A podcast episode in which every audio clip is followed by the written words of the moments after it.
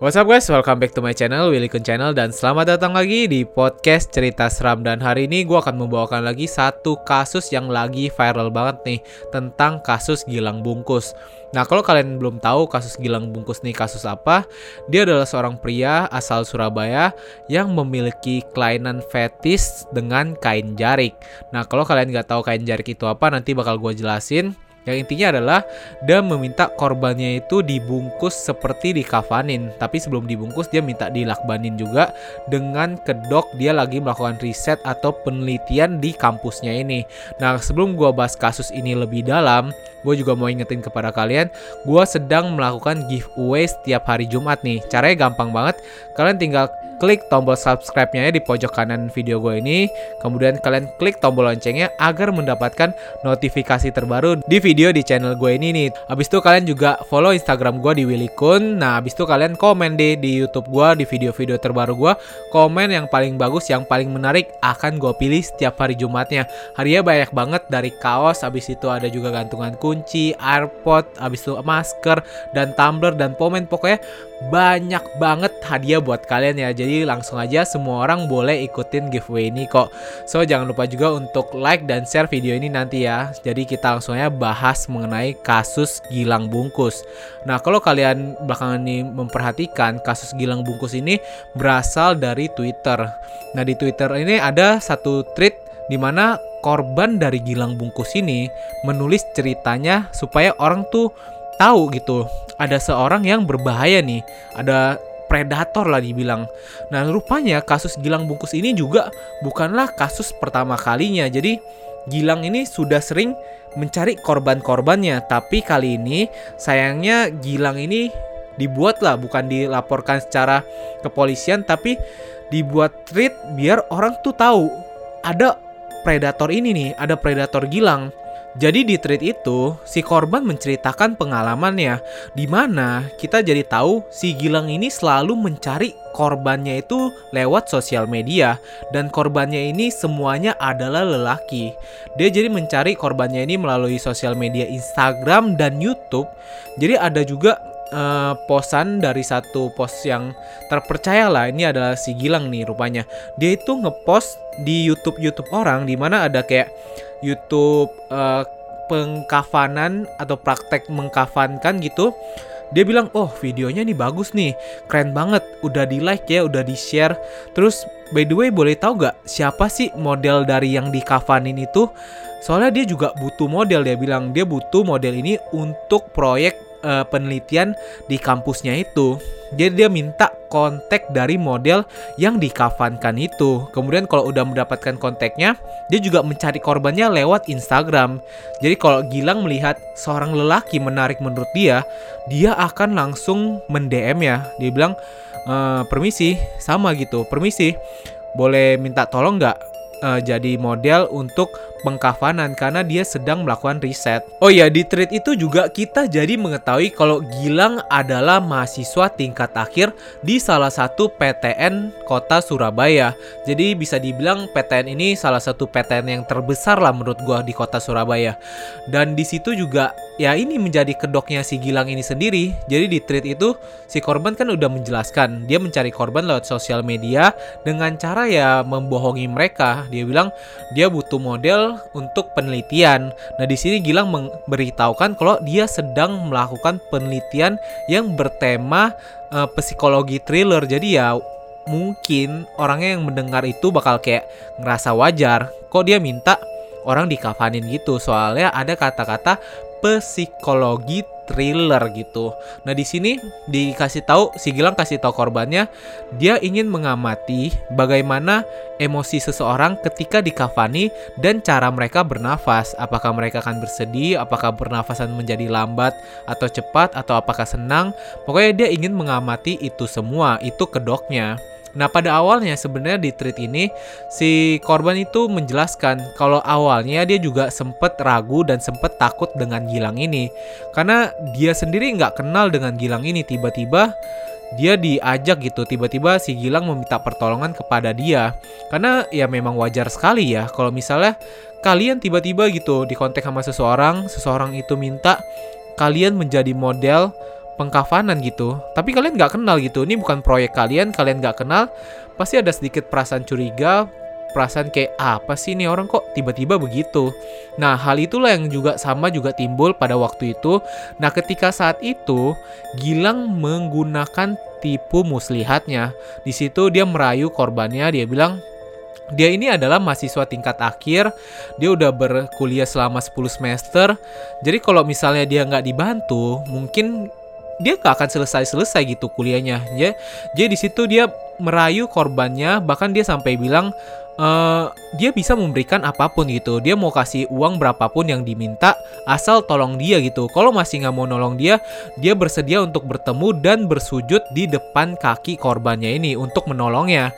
Nah, begitulah cara si Gilang merayu korbannya. Dan akhirnya setelah beberapa rayuan itu, ya korbannya akhirnya terpengaruh dan mengiyakan keinginan Gilang. Nah, di sini di permasalahannya adalah si korban ini sendirian dia nggak ada yang ngebantu ngebungkus dia nggak ada yang bantu nge ngelakuin apa yang Gilang inginkan jadi pas kejadian ini, Gilang tidak langsung bertemu dengan si korban. Nah akhirnya Gilang memberitahukan kepada korban atau memberikan solusi, dia itu bisa aja mengajak orang lain. Nah si Gilang juga sempat bilang kepada korbannya, tolong hal ini jangan di-share di grup. Jadi kayak sepertinya Gilang memang sudah berpengalaman gitu dengan kasus seperti ini. Dia ingin secara tidak langsung membungkam korbannya itu. Nah setelah diberitahu seperti itu, si Gilang sih bilang sebenarnya kenapa nggak mau di share soalnya takut orang tuh kepikiran aneh-aneh karena kan memang mencari model pengkafanan gitu dan akhirnya si korban juga diajari kepada dari si Gilang ini mengajari korban. Jadi Gilang bilang ya udah nanti coba cari temen lu. Terus bilang aja ini mau bantu salah satu proyek mahasiswa tingkat akhir gitu.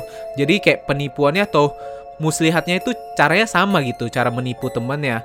Dan akhirnya setelah dicari-cari si korban ini berhasil mengajak salah satu temennya gitu. Dan akhirnya mereka pergi berdua di dalam satu kamar seperti di foto yang ada di sebelah sini nih. Di dalam kamar itu mereka berdua tapi Gilang tidak ikut di dalam kamar itu.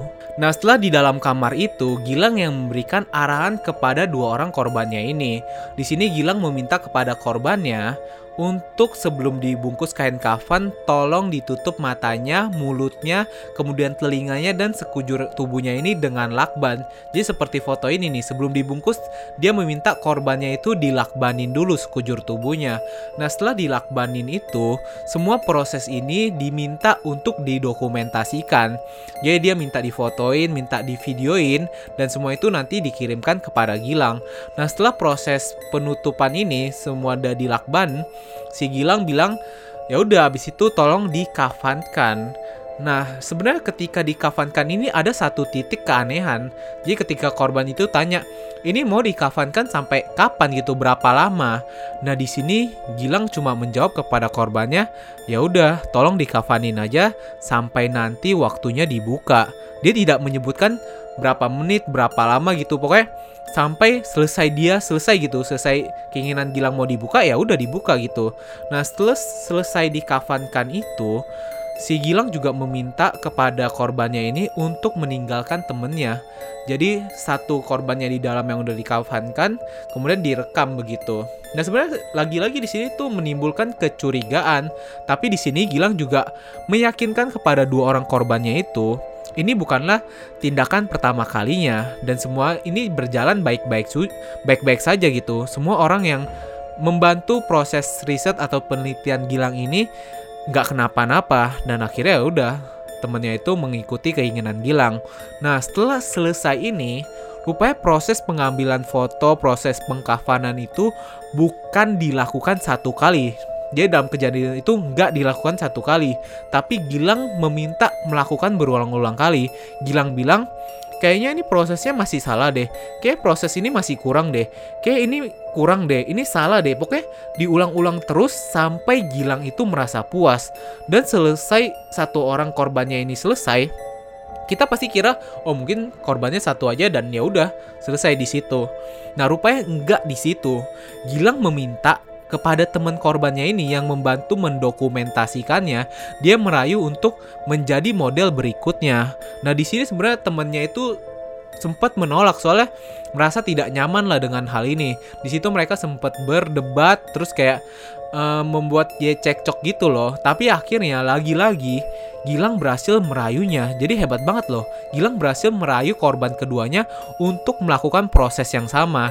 Dan lagi-lagi di sini ada satu tindakan Gilang yang buat uh, mereka berdua tuh para korbannya menjadi curiga. Jadi ketika proses penglakbanan itu, Gilang sempat bilang, "Ih, ini modelnya kok ganteng banget gitu loh."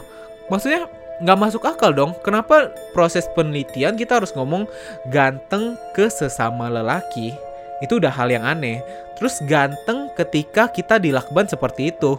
Jadi korban kedua korbannya ini jadi sangat curiga gitu dan hal ini membuat pertikaian di antara mereka. Nah setelah melewati 5 jam di mana korban pertama ya diminta dibungkus selama 3 jam dan korban kedua ya dibungkus selama 2 jam Si Gilang ini bahkan sempat melucu. Padahal mereka udah kayak cekcok gitu loh.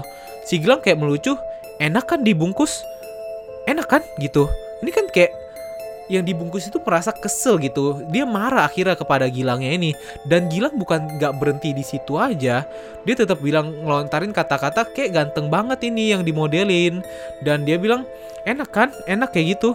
Jadi ini yang memicu kayak emosi kepada dua model ini atau dua korbannya ini karena sepertinya mereka merasa udah merasa akhirnya kalau semua proses ini nggak wajar mereka itu sedang dilecehkan Nah setelah semua proses itu yang selama 5 jam dan udah mulai muncul ketidaknyamanan, udah muncul cekcok dari kedua belah pihak sebenarnya dari pihak korbannya ini juga yang pihak korban keduanya itu sempet sesek kemudian kayak nggak bisa bernafas gitu loh ketika dilakban.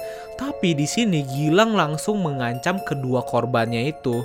Dia bilang kalau misalnya semua proses ini nggak dilakukan, nanti vertigonya itu kumat. Dia itu kayak gampang cemas, dia gampang pusing. Jadi kalau dia menerima satu tekanan, nggak mendapatkan apa yang dia inginkan, seakan-akan dia mengancam korbannya itu dia akan bunuh diri. Ditambah lagi dia juga sempat berakting di mana kayak menangis sambil tangannya gemeteran. Jadi kayak ngerasa korbannya ini walaupun merasa menjadi korban, tapi si ini si Gilang berhasil membujuk mereka dengan ancaman yang sangat mengerikan. Jadi kayak korbannya juga takut Gilang yang gak dikenal tiba-tiba nanti bunuh diri dan mereka itu yang disalahkan. Dan akhirnya kedua korban itu terus mengikuti keinginan Gilang padahal mereka ini sedang dilecehkan. Nah akhirnya setelah semua proses dan akhirnya Gilang juga sudah menyetujui ya sudah selesai gitu penelitiannya sudah selesai kedua korbannya ini akhirnya membuatlah satu tweet ini. Tweet yang menceritakan pengalaman mereka sepertinya mereka merasakan kalau mereka itu sudah dilecehkan. Nah setelah tweet ini dibuat rupanya respon dari netizen atau respon dari beberapa orang itu cukup mengejutkan. Karena butuh kalian ketahui Gilang ini nggak cuma melakukan proses atau pelecehan ini satu dua kali. Jadi dari korbannya ini muncul berbagai macam korban gitu, muncul korban-korban yang sebelumnya yang mengaku sempet dijadikan korban atau juga sempet mau dijadikan korban jadi banyak banget orang yang udah dicat sama Gilang gitu. Dan ada juga temen deketnya temennya dan orang-orang di sekitar kampusnya orang-orang di, di sekitar tempat tinggal ya gitu yang udah menjadi korbannya gitu. Dan semuanya caranya tuh sama. Dia minta tolong untuk uh, proses riset gitu, proses penelitian dan minta mereka membungkus dirinya dengan kain seperti dikafanin.